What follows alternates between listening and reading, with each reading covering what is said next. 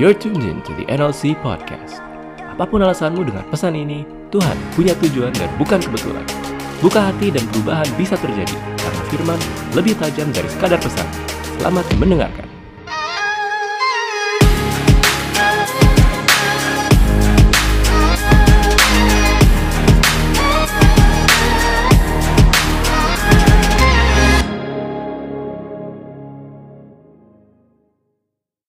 Nah, hari ini kita akan bahas tentang the power of routine, ya. The power of routine berarti rutinitas itu sesuatu yang dibangun, betul nggak? Betul ya, sesuatu yang dibangun. Pertanyaannya, rutinitas itu membangun apa? Membangun hidup kita, bukan? Betul nggak? Setiap orang di tempat ini, setiap orang pasti membangun kehidupannya. Betul nggak? Sekarang saya tanya, sekolah buat apa? Sekolah buat apa? Iya benar, benar kan? Sekolah ujung-ujungnya buat? Buat, buat pintar, betul. Poinnya benar, buat pintar. Ujungnya buat ker, buat kerja. Kerja buat apa? Dapat uang. Terus dapat uang buat apa? Iya. Betul nggak? Nah, poin menarik ya. Saya akan membahas gini. Kenapa dasar menjadi sebuah hal yang penting? Kenapa rutinitas menjadi hal yang penting? Ya, Gordon B. Hinckley dia bilang begini, you cannot build a great building on a weak foundation. Kamu nggak bisa membangun sebuah bangunan yang bagus, yang kuat di atas sebuah fondasi yang lemah. Ya. You must have a solid foundation if you are going to have a strong superstructure. Ya. Kamu harus membangun satu bangunan di atas dasar yang solid. Ya. Supaya kamu bisa mendirikan superstructure di atas sana. Kalau kamu mau mendirikan hidup kamu, kalau kamu mau membangun hidup kamu menjadi sebuah superstructure, se sebuah mahakarya, dan kalau kita ngomong mau ngomong lebih dalam lagi, kalau kamu mau hidup kamu dibangun menjadi mahakaryanya Tuhan, kamu harus punya dasar yang kuat, betul? Dasar itu dibangun dari sebuah rutinitas. Nah, sekarang kita mau ngomong dulu, kita mau buka sama-sama ya biar Kristen nih bro. Ya kita mau buka Matius 7 ya. Ini Stanley ngomong dasarnya apa ini kalau misalnya nggak ada firman Tuhan. Tenang, semua dasarnya firman Tuhan. Mau buku motivasi apa pun yang kamu baca, dasarnya pasti firman Tuhan. Betul? Mau buku leadership kamu bedah. Siapa lagi yang di sini memimpin dengan melayani selain Yesus Kristus? Nggak ada. Mau siapa lagi tokoh yang kamu sebut, ya? Oke, kita mau sama-sama buka Matius 7 ayat 24 sampai 27. Dalam hal ini kita ada dua poin yang perlu digarisbawahi. Yang pertama batu dan pasir. Yang kedua kata barang siapa. Oke, kita akan bahas dulu. Pertanyaannya, kenapa Tuhan Yesus memperumpamakan itu sebagai batu dan pasir? Kalau kamu mendirikan rumah, kamu mau mendirikan rumah di atas dasar apa? Batu atau pasir? Batu. Kenapa batu? Kuat. Kenapa batu disebut dasar yang kuat? Keras, betul. Satu kisi-kisi gini. Kalau kamu bayangin ada satu guci, entah apa pun bentuknya gucinya. Kalau batu dimasukin ke dalam guci, bentuknya kayak apa? Enggak, bentuknya tetap batu. Kalau pasir kamu masukin ke guci, bentuknya guci. Yesus sudah bilang bahwa kalau kamu mau mendirikan segala sesuatu, dasarnya itu harus solid dan tidak berubah. Pertanyaannya di muka bumi ini dasar apa yang tidak pernah berubah? Semua geser, semua berubah, betul? Kemar berapa tahun yang lalu Nike naik daun, beli dah tuh stok Nike banyak-banyak model A sampai model Z. Besok berubah Adidas, nangis lu yang punya Nike, betul? Semua model berubah, semua zaman berubah, semua influencer berubah. Waktu itu kiblatnya pada ke Bapak Basuki Cahaya Purnama ya. Masuk penjara karena satu dan lain hal akhirnya berubah. Terutama emak-emak nggak ngedukung lagi. Dari emak-emak nangis, dia masuk penjara sampai nangis juga dia kawin lagi. Gue tidak menyalahkan, gue itu gue nggak tahu apa apa bimbingan Tuhan dalam kehidupannya dia gue nggak tahu, gue tidak menyalahkan. Tapi maksud gue semua berubah betul. Apa yang gak berubah? Kalau kamu mau bilang kamu bangun hidup kamu di atas dasar yang gak berubah, apa yang gak berubah? Rutinitas kamu sekarang dasarnya apa? Yang kamu lakukan setiap hari itu dasarnya apa? Berubah nggak? Dan dibilang gini, barang siapa. Berarti gini loh. Sebuah rumah di firman Tuhan ya, ini berdasarkan Matius 7. Sebuah rumah hancur atau enggaknya bukan dari luar loh. Perhatiin, ada rumah yang didirikan di atas batu, ada rumah yang didirikan di atas pasir. Sama kok kondisinya. Angin datang, banjir melanda, ada hujan juga. Tapi yang satu bisa berdiri, yang satu nggak bisa berdiri. Sering nggak dengar anak muda bilang gini, Koh, hidup gua hancur. Kenapa? Gara-gara bapak gua. Koh, hidup gua hancur. Kenapa? Gara-gara koko gua. Koh, hidup gua hancur gara-gara emak gua. Kok semua disalahin. Padahal sebenarnya kehidupan kamu nggak akan pernah hancur kalau kamu taruh dasar yang benar dalam kehidupan kamu. Kalau kamu melakukan rutinitas yang benar dalam kehidupan kamu, kamu nggak akan hancur. Di firman Tuhan jelas loh dibilang, ada dua bangunan, kondisinya sama. Betul nggak? Coba dibilang apa di sini? Kemudian turunlah hujan, datanglah banjir, lalu angin melanda rumah itu. Sama kondisinya, betul nggak? Yang di ayat 27 dengan ayat 25 itu sama loh. 25 juga bilang, kemudian turunlah hujan, datanglah banjir, lalu angin melanda rumah itu. Perbedaannya di mana? Perbedaannya di barang siapa. Katakan sama-sama barang siapa. Ini barang saha. Ini barang siapa? Barang siapa? Jadi yang pembeda adalah bagaimana kamu mendengarkan firman Tuhan dan kamu melakukan. Yang satu lagi kamu mendengarkan firman Tuhan tapi kamu tidak melakukan. Rutinitas apa yang kamu bangun sampai hari ini? Dengerin firman Tuhan enggak? Boro-boro mau melakukan, dengerin aja kadang-kadang kita mah mager, males. Males dulu baru mager. Udah denger masih mager. Rutinitas apa yang kamu bangun? Dasar mempengaruhi kualitas bangunan, kualitas bangunan menentukan hasilnya. Sekarang aku tanya deh. Ini NLC udah mau penuh nih ya, NLC udah mau penuh. Nih udah udah tinggal beberapa bangku kosong. Yuk, aku tanya. Kalau misalnya nih, kamu nggak usah pusing, dananya dari mana? Kita pindah ya, minggu depan nih, Kamerik. Kita pindah ke gedung yang ada di Sudirman, mau nggak? Pinggir jalan gede, serius. Aku biayain nggak apa-apa. Ayo, mau nggak? Mau nggak? Kita pindah ke sana ongkos nart di di cover tenang aja, pakai bus dijemput tenang aja. Mau nggak lu pindah? Lu taruh nih di IG lu ya, NLC, ya kan? Ibadah mingguannya di mana? Di Sudirman, di Gatot Subroto. Tapi gua akan taruh kalian ibadah di Menara Saidah lantai 30. Lu pada mau nggak? Mau nggak? Gak bisa guys, lu lantai 30 lu mesti naik tangga. Kenapa liftnya gak bisa beroperasi? Karena gedungnya miring. Kenapa gedungnya bisa miring? Bangunan segitu kerennya lu. Lu pasti milih tempat mendingan ibadah di sini, betul gak? Daripada gue bilang, ayo Menara Saida yuk. Gatot Subroto lu, kece lu. Serius keren banget lu. Bisa jadi function hall. NLC cuan banyak lu. Cuan banyak, bisa disewain lu Sabtu. Liftnya gak bisa beroperasi guys, karena miring. Kenapa miring? Dasarnya gak kuat.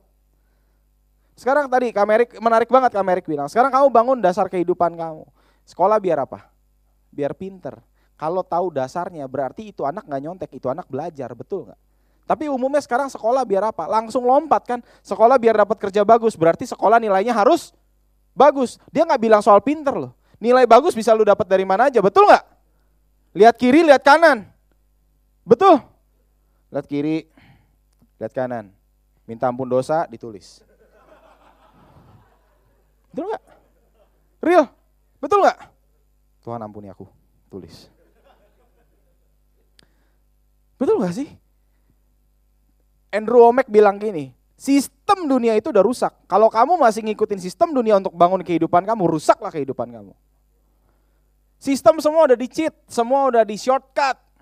Sekolah tuh harusnya biar kamu pintar. Supaya apa? Kamu pintar, kamu bisa dipakai di dunia kerja. Dipakai di dunia kerja, jadi terang, jadi garam di situ. Betul? Nah sekarang kalau nilai kamu bagus, dipakai di dunia kerja, dipanggil, wah IP-nya nih 4,01. Bagus banget nih orang. Ditarik. Tiap hari kerjanya pelangga-pelongo. Lu jadi garam apa? Jadi terang apa? Sistem semua udah rusak. Dasar apa yang kamu mau bangun? Dasar apa lagi sekarang merit? Ayo, yang pacaran siapa nggak usah angkat tangan, yang jomblo juga nggak usah angkat tangan, menambah kesedihan aja.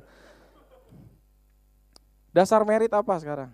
Ada yang bilang, eh kenapa, gimana lu merit kapan? Tahun depan lah, iyalah gue udah umur berapa nih, ya kan? Ada yang ngomong gitu kan? Terus, eh merit kapan lu? Tahun depan. Kenapa? Gue udah capek tiap konyan tuh gue ditanyain sama i gue, i gue, icong gue, kocong gue, semua nanya. Cangcingcong gue nanya semua gue udah capek, gue merit. Semua, terus lu kenapa gak merit? Iyalah belum mapan. Iya, yeah. mapan gimana? Punya satu rumah, mobil dua, ganjil genap. Motor satu kalau macet. Sama perahu Basarnas lah kalau banjir. Eh, yang, yang ibadah di Taman Ratu masih siap lu. Di mobil masih siap perahu lipat lu, bener gak? Ama ama ini pompa apa? Pompa elektrik yang colok ke mobil. Sekarang dasar kamu merit apa? Orang banyak bilang dasarnya sesuatu yang yang kayak gitu tau nggak? Prihatin loh. Prihatin. Sekarang kamu bilang, kamu dasarnya merit apa? Iyalah udah umur segini. Eh emang umur menentukan kedewasaan. Emang kamu umur tua siap berkorban? Eh merit tuh nggak gampang loh. Gue bisa merit waktu itu, gue waktu itu dapat visi merit gara-gara uh, dengar sharing dari uh, Kak Kristo sama Kak Love. Waktu itu gue ditarik sama Koditer ke Kingdom Culture. Dia bilang das, merit itu bukan satu hal yang bahagia. Merit itu sebuah awal dari kamu menyalipkan diri kamu bukan untuk diri kamu lagi. Kamu bukan hidup untuk diri kamu lagi. Berarti dasar kamu merit itu adalah pengorbanan loh. Kamu siap berkorban nggak? Satu, merit berkorban buat istri. Eh, ntar punya anak brocot, berkorban buat istri buat anak. Lu siap nggak? Sehari-hari aja nyalipin diri sendiri ya susah. Netflix sama Bible dulu nih. Ah, dua episode. Sinyal kacrut. Wah, gambar kotak-kotak kayak Lego. Ah, udahlah. Capek gua, sakit mata gua, nggak bisa, nggak bisa baca YouVersion, nggak bisa. Absen aja di YouVersion. Di absen, masuk set. Udah, udah. Tahu YouVersion? Tahu YouVersion? Tahu ya? Iya kan? Gua record nih, setahun nggak bolong. Iyalah, absen doang. Apa itu dasar rutinitas yang kamu mau bangun? Nah, oke, sekarang balik lagi ke merit. Lu merit, punya anak segala macam. Lu ngomong lu mapan bisa merit, punya rumah satu, mobil dua. Siap ya, berarti siap merit ya kalau bilang dasarnya mapan ya, betul nggak? Betul, abis merit H minus uh, H, plus tujuh, abis honeymoon pulang, saham jatuh, bangkrut, mobil dijual. Terus nggak siap merit dong jadinya. Lah udah merit. Dasar apa yang kamu bangun? Kalau bukan dasar firman Tuhan. Hidup kamu mau dibangun dasarnya apa kalau bukan dasar firman Tuhan? Belajar ngelihat sesuatu bukan dari apa yang tampak, tapi apa yang di dalam. Dasarnya kamu lihat. Orang karir bagus, perlu dihargain, perlu. Perlu, tapi bukan diagung-agungkan. Kamu lihat dasarnya apa. Oke, kita mau masuk ke dalam ini. Kita mau dasar apa sih yang kamu harus letakkan? Dasar dasarnya ya, sebelum rutinitas nih. Dasar apa yang harus kamu letakkan? Yuk, kita sama-sama buka di Lukas 2 ayat 11. Lukas 2 ayat 11. Oke. Okay. Oke, okay, yuk kita sama-sama baca. Ini waktu itu Yesus ya, dikenalkan ya. Yesus waktu itu lagi diintroduce ceritanya ya. Ayo kita baca bareng-bareng. Hari ini telah lahir bagimu. Yaitu Hari ini telah lahir bagimu juru selamat yaitu Kristus Tuhan di kota Daud. Oke, ingat ya, ini ada tiga nih. Juru selamat yaitu Kristus Tuhan. Oke, oke. Kita lompat ke Matius 16. Matius 16 Matius 16 ayat 13.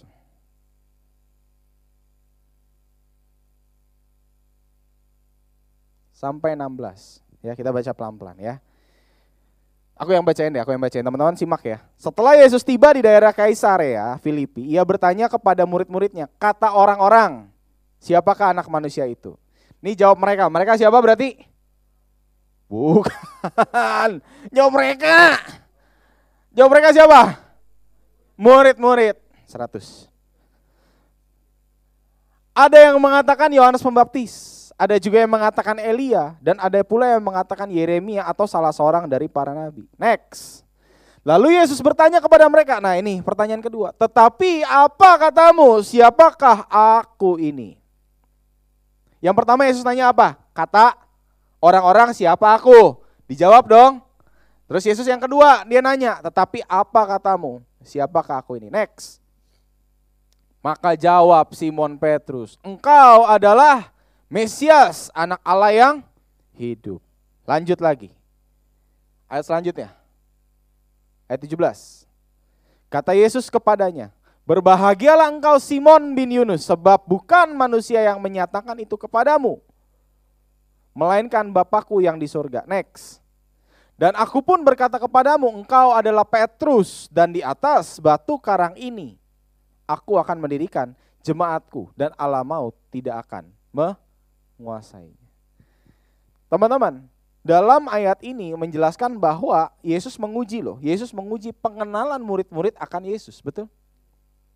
Ini dasar yang harus kamu taruh dalam kehidupan kamu. Yang pertama adalah pengenalan akan Yesus itu penting. Siapa Yesus buat kamu akan menentukan bagaimana cara kamu memperlakukan Yesus.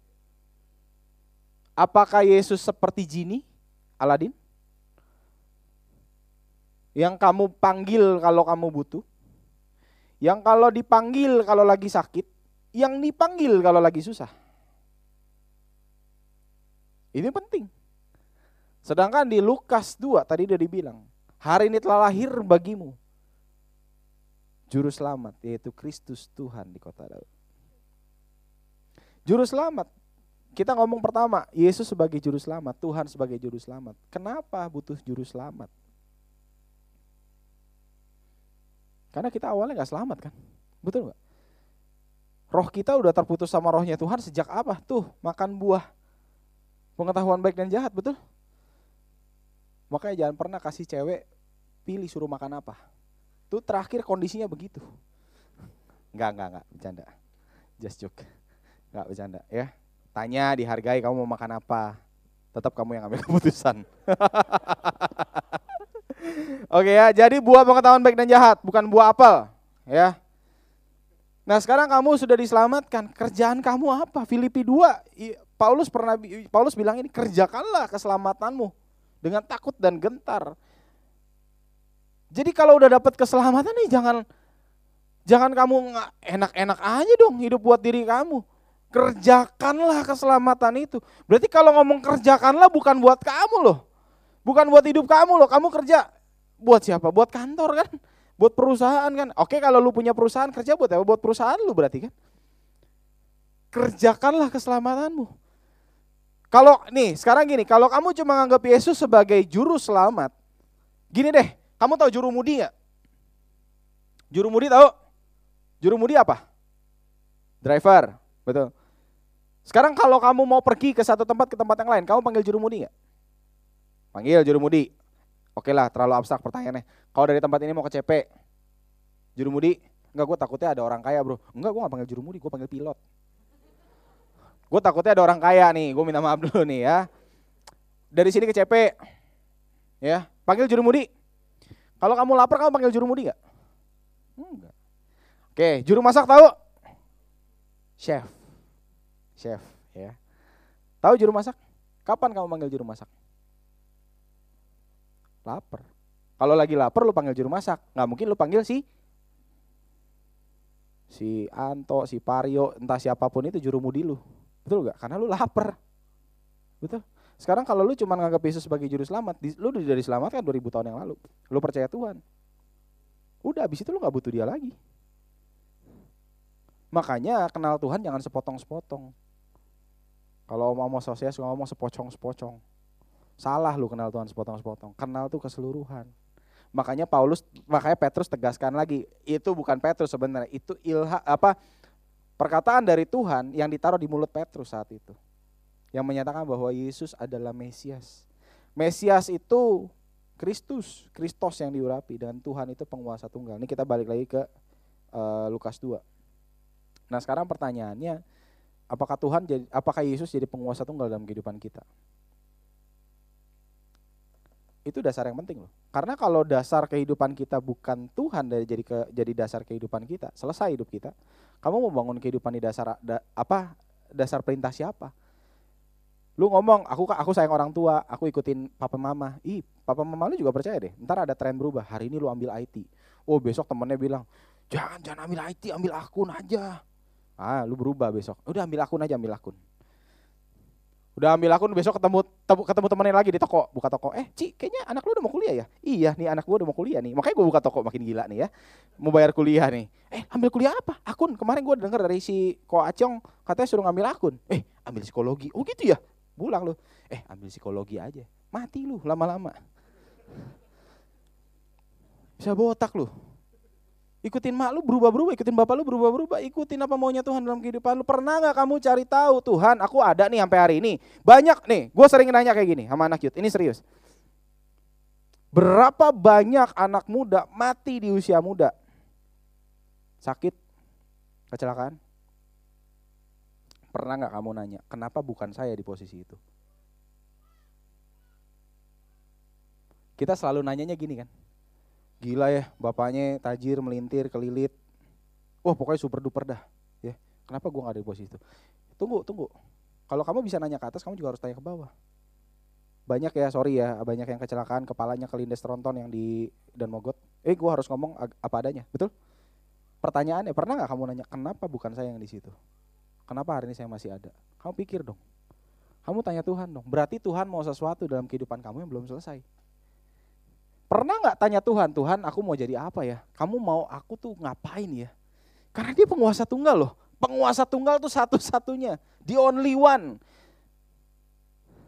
Kenapa Tuhan nggak pernah bilang ini? Uh, jadilah uh, apa Bapak kami yang di dalam sorga dikuduskanlah namamu, datanglah kerajaanmu. Yesus bilang gitu betul ya? Kenapa Yesus nggak bilang datanglah negaramu? Karena kalau ngomongin kerajaan itu penguasanya tunggal. Kalau negara ribet, ada DPR-nya, ada MPR-nya. Kalau DPR MPR-nya benar. Ada parlemennya. Penguasanya nggak tunggal, tapi Tuhan bilang apa? Datanglah kerajaanmu. Berarti Tuhan bilang penguasa tunggal itu. Kalau ngomongin Tuhan, nah sekarang pertanyaannya, kamu udah menjadikan Tuhan penguasa tunggal belum dalam kehidupan kamu? Dibangun lewat apa? Ya rutinitas kamu kamu lihat deh. Sesuai maunya Tuhan nggak?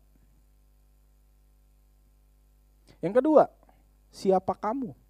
Yang pertama dasar yang kamu harus letakkan adalah siapa Tuhan dalam kehidupan kamu. Yang kedua, kamu harus tahu siapa kamu. 1 Petrus 1 ayat 18 sampai 19. Ayo kita buka sama-sama. 1 Petrus 1 ayat 18 sampai 19. Nih, siapa kamu? Oke, oke. Yuk kita baca bareng-bareng ya. Pelan-pelan ya. 3 4. Sebab kamu tahu bahwa kamu telah ditebus dari cara hidupmu yang sia-sia. Yang kamu warisi dari nenek moyangmu itu bukan dengan barang yang fana, bukan dengan perak atau emas, melainkan dengan darah yang mahal, yaitu darah Kristus yang sama seperti darah anak domba yang tak bernoda dan bercacat.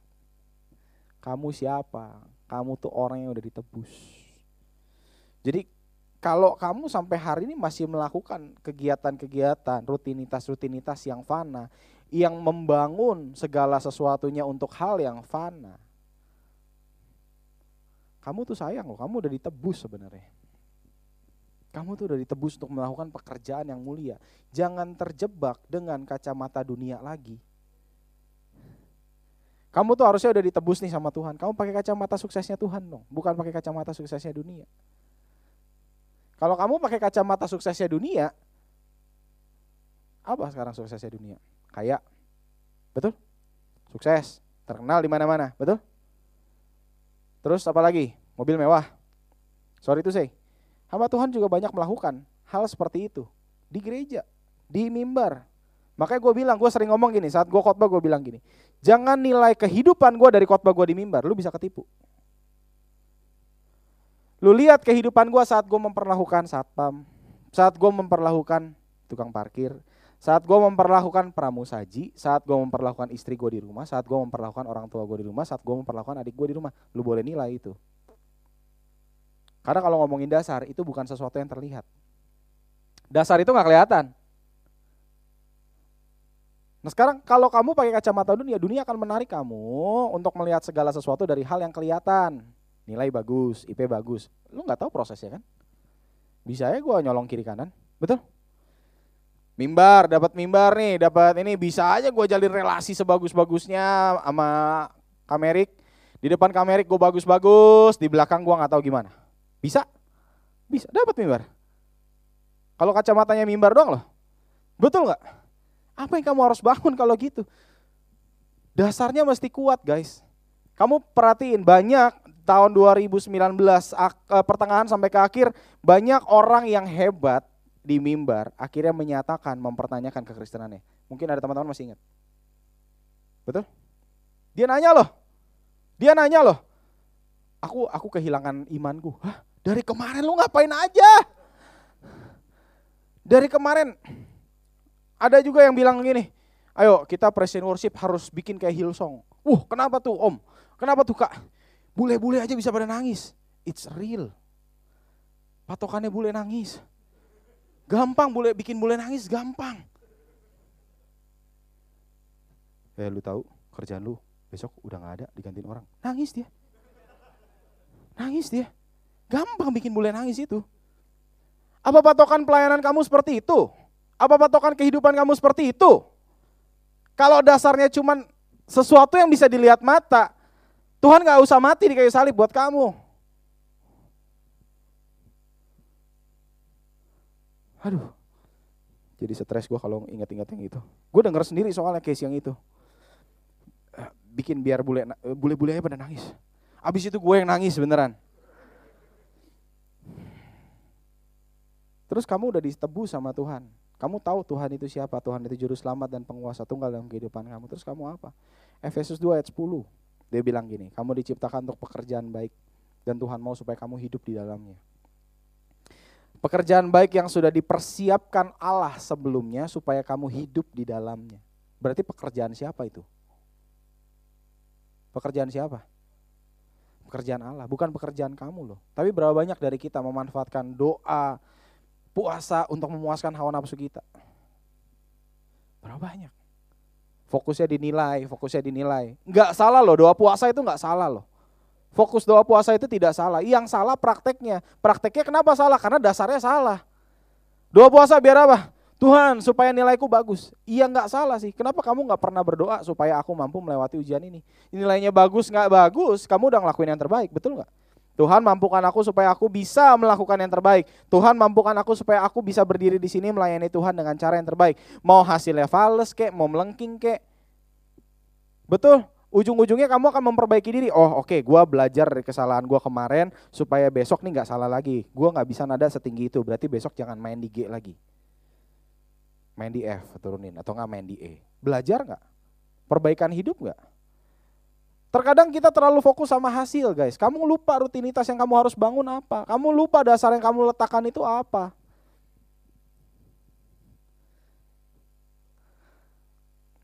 Kalau kamu tahu siapa Tuhan dan siapa kamu, maka Roma 8 ayat 28 kamu bisa pegang segala sesuatu. Udah kita baca deh. Roma 8 ayat 28.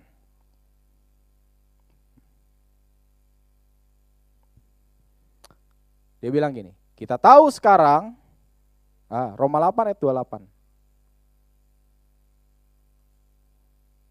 Ah, yang udah dapat katakan amin. Amin. Kita baca bareng-bareng. Kita tahu sekarang bahwa Allah turut bekerja dalam dalam apa? Segala sesuatu untuk mendatangkan kebaikan bagi mereka yang mengasihi Dia, yaitu bagi mereka yang terpanggil sesuai dengan rencana Allah. Kalau kamu tahu siapa Tuhan dan siapa kamu, kamu pasti tahu semua Tuhan buat segala sesuatunya baik. Punya pacar baik? Baik. Diberkati baik? Sehat baik? Enggak corona baik? Jomblo baik gak? Baik. Sakit baik gak? Baik. Karena apa? Tuhan bekerja dalam se segala loh, bukan salah satu. Susah uang baik, sakit baik. Karena kamu rusak bukan karena dari luar. Kamu rusak, kamu bisa rusak karena dari dalam. Dasarnya harus tepat. Nah kamu bisa bangun dasar yang baik ini lewat apa? Satu, lewat doa dan pengucapan syukur. Tadi kita udah baca Filipi 4 ayat 6 sampai 7. Nyatakanlah segala dalam doa dan pengucapan syukur. Yang kedua lewat apa? Puasa. Nah ayo kita buka sama-sama. Matius 6 ayat 16. Maaf ya hari ini kita banyak buka-buka Alkitab. Ya daripada buka ensiklopedia. Ayo, Matius 6 ayat 16. Dia bilang apa? Dan apabila kamu berpuasa, janganlah muram mukamu seperti orang munafik. Mereka mengubah air mukanya supaya orang melihat bahwa mereka sedang berpuasa. Aku berkata kepadamu sesungguhnya mereka sudah mendapat. Yesus bilang puasa itu bukan dari muka lu. Dari apa yang di dalam. Puasa itu bukan sekedar gak makan guys. Tapi menyalipkan kedagingan lu. Kenapa kedagingan masih disalipkan? Supaya roh lu peka. Karena gini loh. Manusia terdiri, terdiri dari tubuh, jiwa, dan roh. Setuju? Setuju? Tubuh itu daging, betul? Yang biasa lu kasih makan. Mau apa? Samcan, sikat. Pak camke, sikat. Apalagi? Capcay puyong hai, sikat. Piring teman lu juga bisa lu sikat. Kalau lagi lapar, roh itu ngomong segala sesuatu yang berpautan dengan Allah. Jiwa itu akal dan perasaan lu. Nah sekarang pertanyaannya, kalau jiwa itu sifatnya netral. Kalau daging lu, lu kasih makan terus, jiwa akan ngikutin. Makanya rutinitas kamu yang kamu masukin ke dalam badan kamu apa? Makanya akal dan pikiran kamu, akal dan perasaan kamu akan ngarah ke sana. Kalau daging terus yang kamu ikutin, kamu nggak akan bisa under pressure. Semua selalu carinya shortcut, shortcut, shortcut. Udah cari yang gampang aja, cari yang gampang aja, cari yang gampang aja. Ngedidik ya? Kalau Yesus mau cari yang gampang aja, gampang. Disalib, cetak, cetak, cetak, cetak, udah selesai, udah berdiri, dia udah disalib. Tuhan udah ya, yang penting ada ada posenya, pose disalibnya. Betul nggak? Abis itu dia turun, selesai. Tapi bukan itu kan yang Tuhan mau. Asal ada posenya bisa di post di Instagram, habis itu Yesus turun. Udah, udah, udah, gue gak kuat, capek, capek.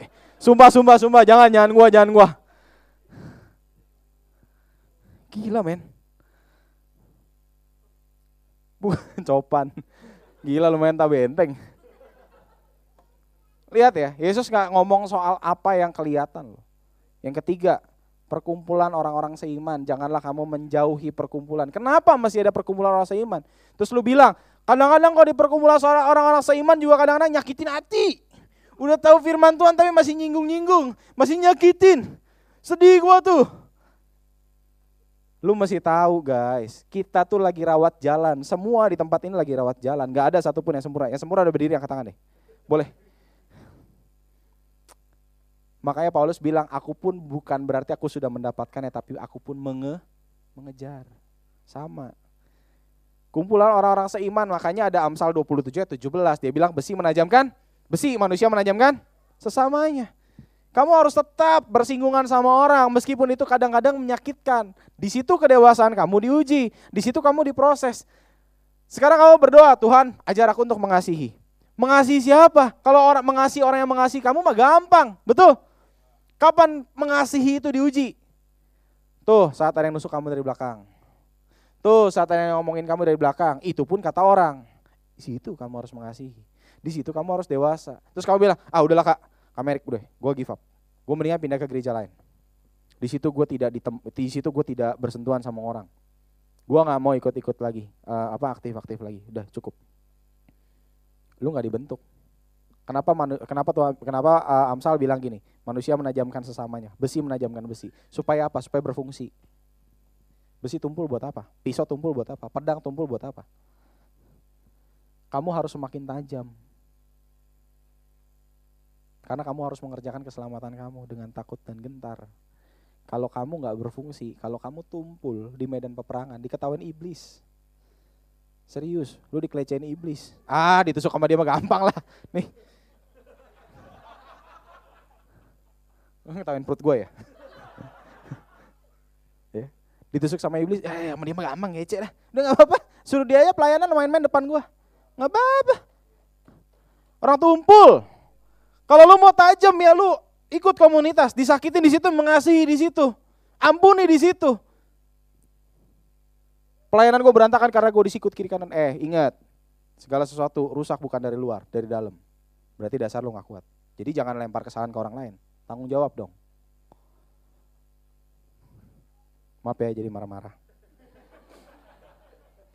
Apalagi baca firman Tuhan tuh untuk mengetahui kebenaran.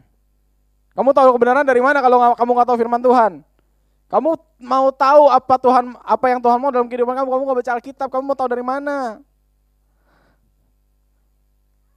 Pertemuan rohani itu semakin kita berpaut dengan Allah, semakin kita bertanya gini loh.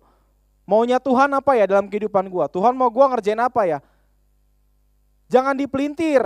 Yohanes 15 dibilang gini, Apabila firmanku di dalam apabila aku di dalam kamu dan kamu di dalam aku, mintalah apa saja yang kamu kehendaki, maka aku akan mengabulkannya. Kasarnya seperti itu. Jadi, ayo baca firman Tuhan, ayo berdoa supaya apa? Supaya lu minta apa Tuhan kasih. Lu minta baby Benz Tuhan kasih, lu minta Mercedes Benz Tuhan kasih, lu minta BMW Tuhan kasih. Eh, lihat lagi apabila aku di dalam kamu dan kamu di dalam aku. Berarti yang ada itu keinginannya siapa? Keinginannya Tuhan bukan keinginannya kamu. Kamu kalau mau minta kayak begitu nggak usah ke Tuhan deh. Ke Gunung Kawi lebih cepat. Tuhan bilang, kamu minta kerjaan, eh, kamu minta kaya, Tuhan kasih kerjaan. Tuhan nggak kasih duit. Gunung Kawi kamu minta duit, kasih ya duit. Tapi emang serendah itu hidup kamu? Kamu ditebus untuk darah yang mahal, untuk sesuatu yang abadi, yang kekal, yang sejati. Kamu melakukan segala sesuatu, mengabdikan hidup kamu untuk sesuatu yang fana. Serendah itukah kehidupan kamu?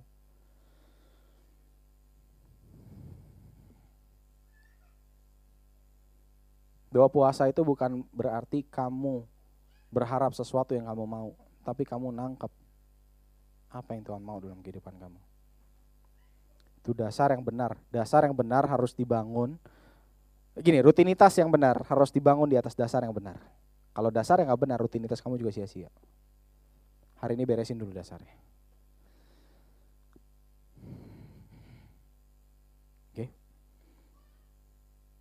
Di Yohanes 15 ayat 7, eh ayat 7 tadi kan aku diceritain. Jikalau aku di dalam kamu, kamu di firmanku di dalam kamu, mintalah apa saja yang kamu kehendaki, maka kamu akan menerimanya. Kamu baca lagi ayat 8-nya indah banget loh. Yuk kita baca Yohanes 15 ayat 8. Ini dia bilang gini. Yesus bilang gini, dalam hal inilah Bapakku dipermuliakan, yaitu. Jadi kan di, di atas kan dia bilang gini kan, kamu minta kamu dapat, betul? Dan dalam hal ini nih Bapak ini dimuliakan nih. Next ke delapan. Dalam hal ini Bapakku dipermuliakan yaitu jika kamu berbuah banyak, dengan demikian kamu adalah murid-muridku. Berarti apa yang kamu minta tujuannya supaya berbuah bagi Kristus, bukan buat kamu loh. Apa yang kamu minta, coba kamu evaluasi doa kamu deh selama ini. Gue paling suka nih duduk di sini nih kalau lagi khotbah. Kamu coba doa deh, kamu coba evaluasi doa kamu deh, doa malam, doa pagi, doa sebelum makan, doa mau ujian, doa mau kerja, even abis nyontek. Bisa belum nyontek dia nggak doa, abis nyontek dia doa. Coba kamu coba deh, kamu coba evaluasi apakah doa kamu orientasinya adalah berbuah bagi Tuhan atau itu buat hidup kamu aja, buat nyenengin kamu aja. Coba kamu evaluasi deh. Aku juga evaluasi makin sekarang makin berdoa. Gue cuman nggak gue nggak pernah berani minta apa apa sama Tuhan. Jujur jujur. Setahun terakhir gue berdoa sama Tuhan gue nggak pernah berani minta apa apa gue cuma berdoa gini Tuhan apa yang Tuhan mau boleh terjadi dan aku boleh kuat melewatinya. Cuman itu yang gue minta. Kekuatan gue boleh minta nggak? Boleh lah. Gila kali. Disuruh diproses gue nggak dikasih kekuatan itu juga formalitas aja sebenarnya karena gue tahu Tuhan pasti kasih kekuatan. Tapi kan boleh dong gue minta manja-manja dikit boleh dong. Iya kan? Tuhan kalau boleh aku minta kekuatan. Iya bukan kalau boleh minta lah gue minta. Kalau nggak kuat ya gue teriak. Tapi gue tetap jalanin. Coba jangan cari shortcut dalam kehidupan kamu. Bangun rutinitas yang benar di atas dasar yang benar. Maka sukacita Allah damai sejahtera dan kebenaran akan menyertai setiap langkah kamu, setiap loh. Setiap langkah kamu. Amin untuk firman Tuhan.